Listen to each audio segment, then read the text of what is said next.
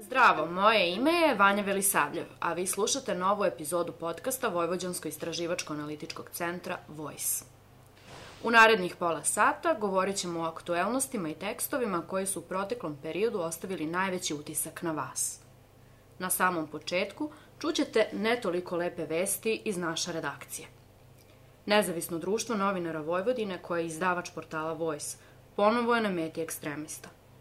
Na zvaničnu mail adresu prošle nedelje stigle su nam nove pretnje i uvrede – Šta ovo znači za našu organizaciju, ali i za celo društvo, objašnjavaju nam izvršna direktorica NDNV-a Slađana Gluščević i urednik portala Voice Dinko Gruhonjić.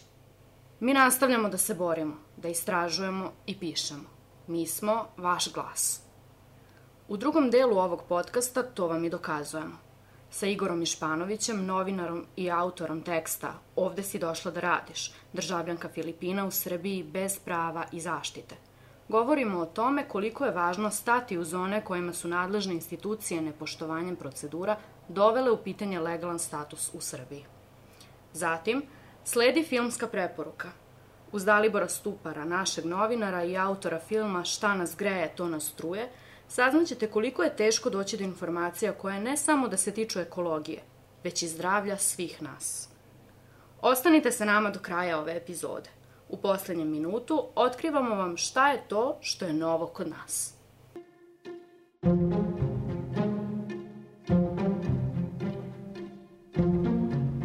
To nije prvi ovakav slučaj, nebrojeni su napadi na nezavisno društvo novinara Vojvodine, koje postoji duže od tri decenije i usmjereno je samo ka stvaranju uslova za profesionalan rad novinara i stvaranju demokratskog društva. Ovakve optužbe mogu ozbiljno da ugroze bezbjednost novinara i naših članova, posebno onih koji su evo ponovo direktno imenom i prezimenom označeni, ali i svi drugih novinara u Srbiji koji drže do profesije – Evidentno je da, da u Srbiji pada demokratija, a samim tim raste pritisak na medije, zastrašivanje novinara, njihovih organizacija. I mislim da bi ovakve napade trebalo ozbiljnije shvatiti, budući da dolaze sa adresa ekstremno desničarskih profašističkih grupacija, a one su opet ništa drugo do produkt društva kojeg oblikuje ova vlast. Iskreno ne očekujem da će takva vlast bilo šta poduzeti po ovom pitanju jer joj to odgovara. Evo mi smo ponovo označeni kao strani plaćnici, baca se sumnja na naše poslovanje i finansiranje, mada je ono sasvim transparentno. Apsolutno su svi podaci i izvještaji dostupni na našem sajtu, dostupni svim građanima pa i profašističkoj grupaciji koja nas proziva. Dakle, oni zapravo prijete po nahođenju, e, zapravo po nagonu, ne nahođenju, nego nagonu. Nezavisni novinari su im na vrhu liste žrtava i udaraju po nama bez imalo mozga. Čuli smo izvršnu direktoricu Slađanu Gluščević. Nezavisno društvo novinara Vojvodine upozorava javnost da ekstremističke desničarske organizacije postaju sve ozbiljnija opasnost po društvo, a nadležne organe i institucije još jednom pozivamo da primene zakone i sankcionišu pojedince i grupe koji pokušavaju da pravdu preuzmu u svoje ruke. Godinama smo izloženi prednjama ekstremista, zbog toga što dosledno zastupamo ideje otvorenog društva, medijskog profesionalizma i slobode medija. Dinko Gruhonjić, naš urednik i programski direktor, direktno je targetiran u ovom mailu. Pa mi dobijamo pretnje jer živimo u društvu u kojem ludilo dominira duže od 35 godina. Nama prete jer nas vlast od uvek prepoznaje kao političke neprijatelje u nedostatku istinske i snažne političke, društvene i intelektualne alternative koja bi imala hrabrosti da se suprostavi militantnom srpskom nacionalizmu koji je otac ludila. Ludaci nam prete i zbog toga što im ispred lica neprestano postavljamo ogledalo. Ludaci nam prete jer neprestano podsjećamo da je nebo plavo, a trava zelena – mi živimo u obrnutoj stvarnosti i kada u takvoj ludnici od društva kažeš očigledne stvari, normalno da će hteti da se obračunaju s tobom. Ali ako živimo u blatu, to ne znači da treba da se ponašamo kao svinje. Svoga mentalnog zdravlja radi, a naročito mentalnog zdravlja radi naših čitalaca i članova, nikada nećemo odustati od razuma, normalnosti i humora. Kao što neko reče, kada umreš ti ne znaš da si umro i nije ti teško. Teško je drugima. Isto je tako i kad si glup. Apelujemo zato na sve institucije, ali i civilni sektor i građane, da se nedvosmisleno suprotstave fašizaciji društva i odbrane slobodu. dok je još imaju.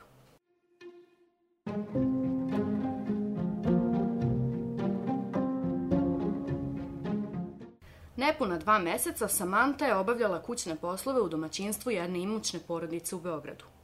Ubrzo nakon što je počela da radi, shvatila je da su uslovi drugačiji u odnosu na one koji su i prvobitno predočeni. Igor Išpanović i Miloš Katić autori su teksta Ovde si došla da radiš, državljanka Filipina bez prava i zaštite. U nastavku razgovaramo sa jednim od autora, Igorom Išpanovićem. Dakle, ovde se radi o državljaki Filipina koja je došla vjerojatno u potrazi za boljim poslom, boljim uslovima u Srbiju da radi. Ona je tu došla na poziciju rukovoditeljke domaćinstva, iako zapravo ugovorom to nije bilo propisano. Prema njemu ona je trebalo da radi kao marketinška koordinatorka i da prima sasvim drugi novac u odnosu na onaj koji je primila ili koji nikad nije primila.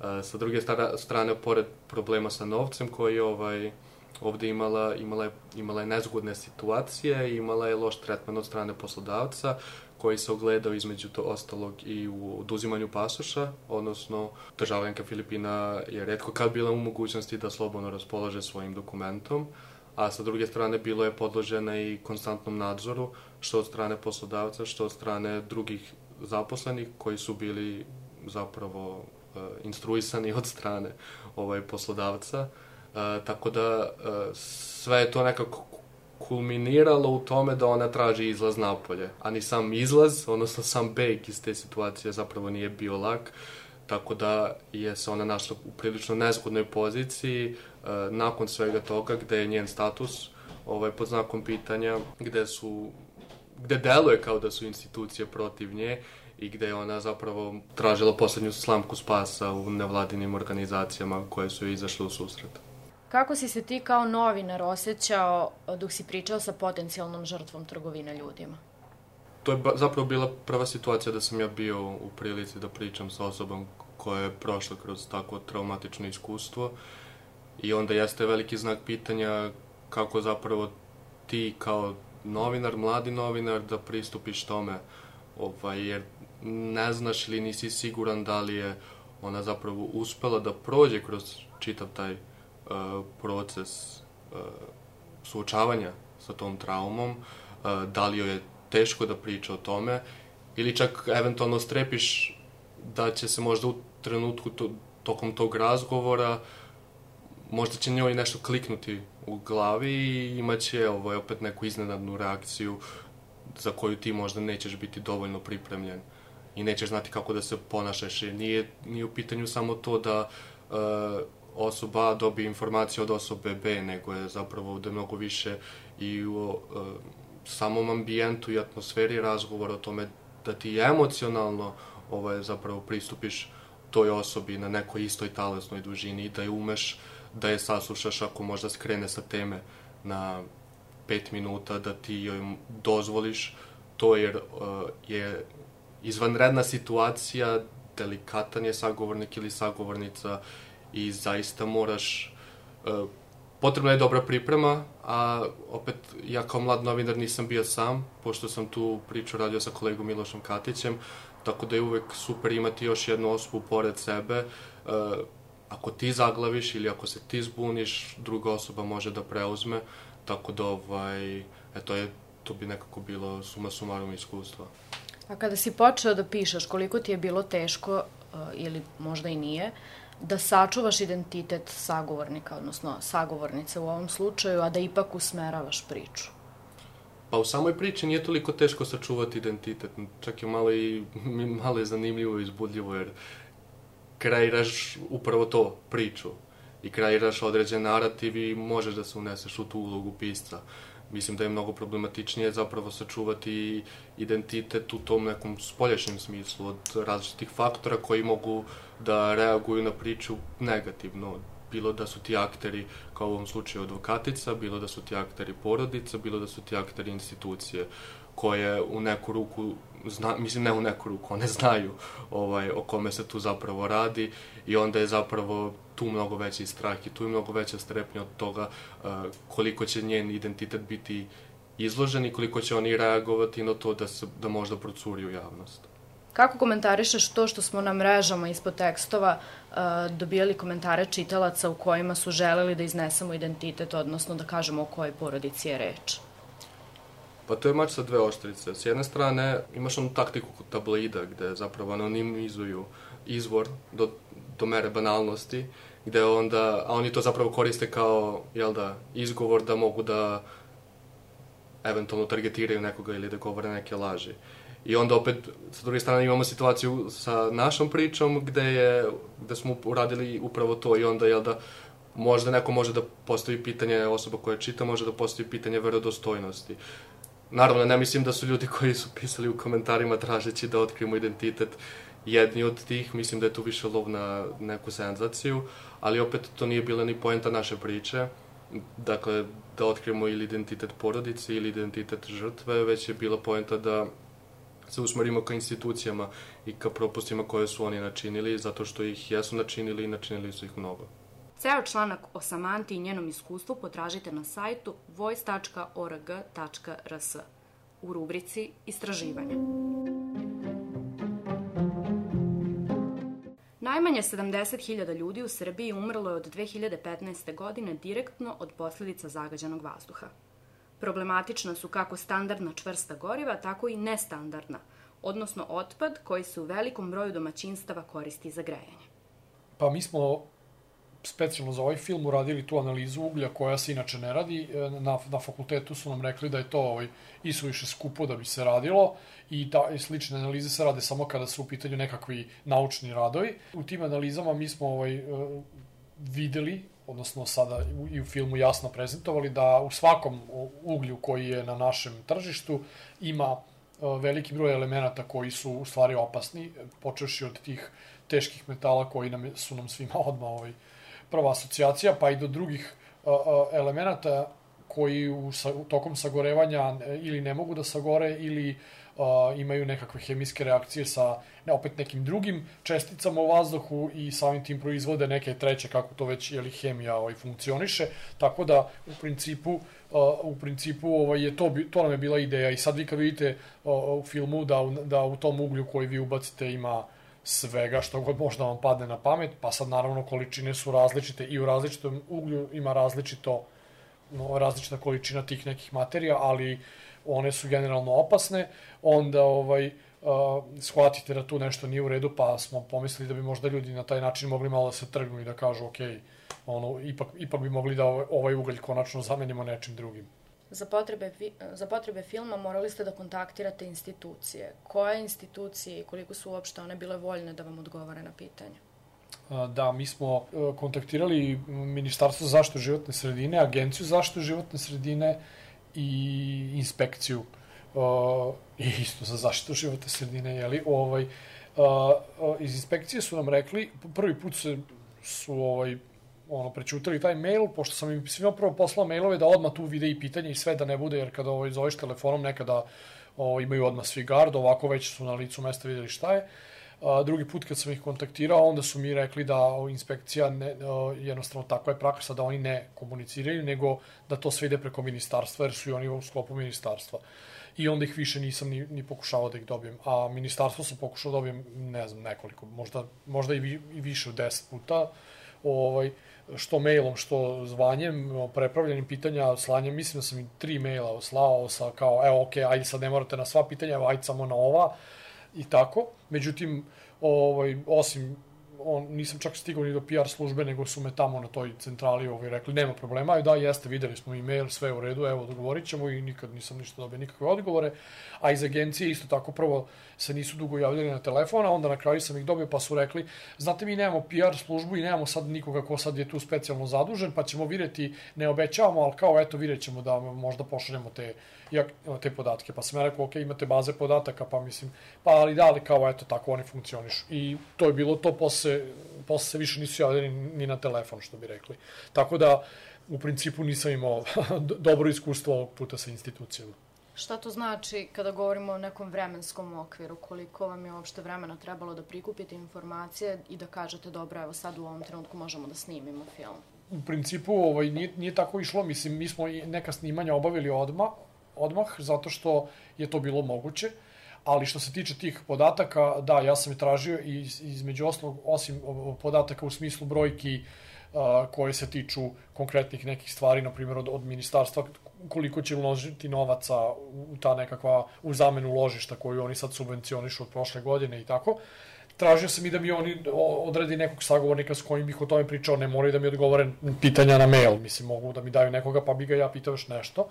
Ovaj, uh, I onda je taj njihov deo me kočio, ali sam ja za to vreme imao i druge sagovornike sa kojima sam onda ovaj, uh, uspeo da, da popričam, tako da nije da sam da su mi sad ovi drastično produžili, jeste da bi na kraju da, da su mi odmah dali odgovore, a da nisam morao ja da, da tragam za njima ovaj, tako je li naokolo, ovaj, možda umesto tri meseca ovo radili dva meseca, što mislim nije beznačajno, ali u, u principu ovaj, to je, to je ovaj, neki kratak odgovor, znači mislim da, da, da su nam recimo za trećinu produžili o, uopšte rad. O, ne znam da li su oni misli da sad mi nećemo onda objaviti ništa ako nam oni ne pošalju podatke ili uopšte šta se krije za toga.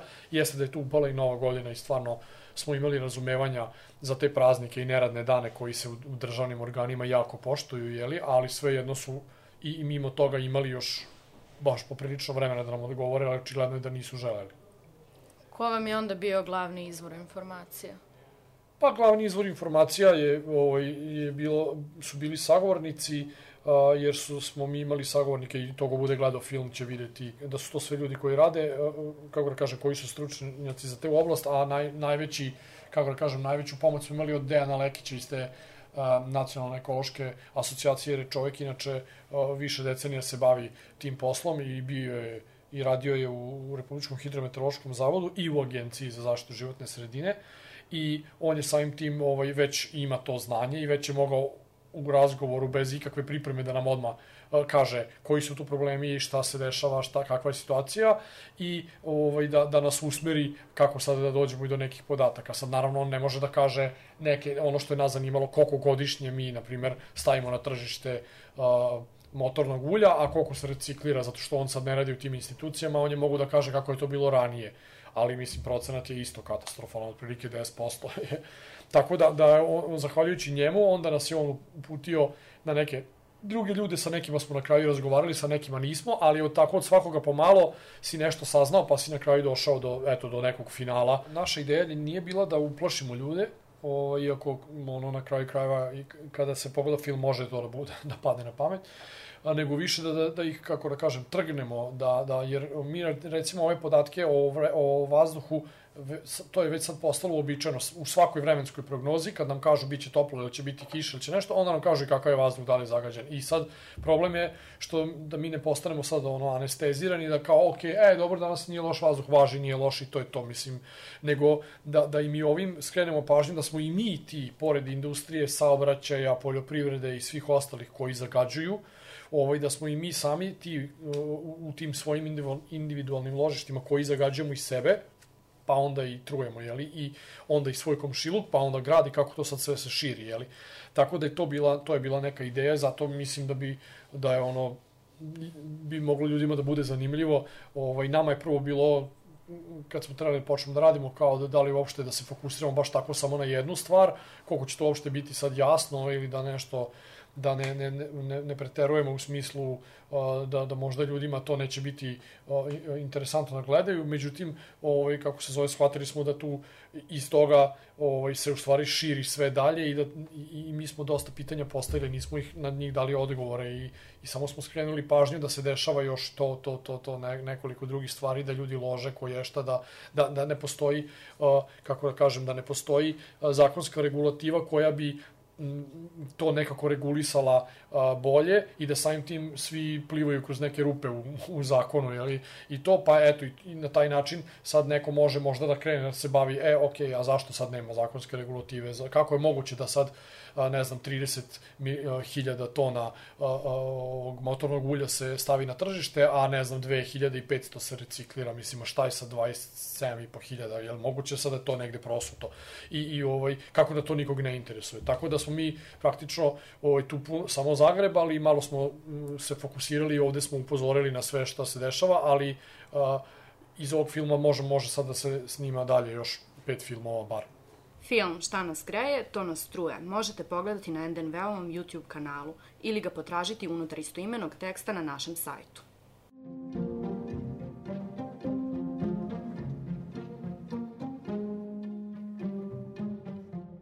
Hvala vam što ste ostali sa nama do kraja ove epizode.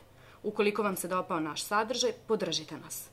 To možete uraditi klikom na dugme Podrži Voice na sajtu voice.org.rs. I da, stigli smo do posljednjeg minuta Voice podcasta. Obećali smo vam da ćemo vam otkriti šta je ono što je novo kod nas. Naš newsletter je redizajniran. Postao je naranđast i svakog utorka tačno u 10 časova u vaš inbox donosi novosti iz redakcije Nezavisnog društva novinara Vojvodine. Dovoljno je da se prijavite i ostavite svoju e-mail adresu u formularu, a mi ćemo se pobrinuti da uvek ostanete dobro informisani. Mi smo vaš glas.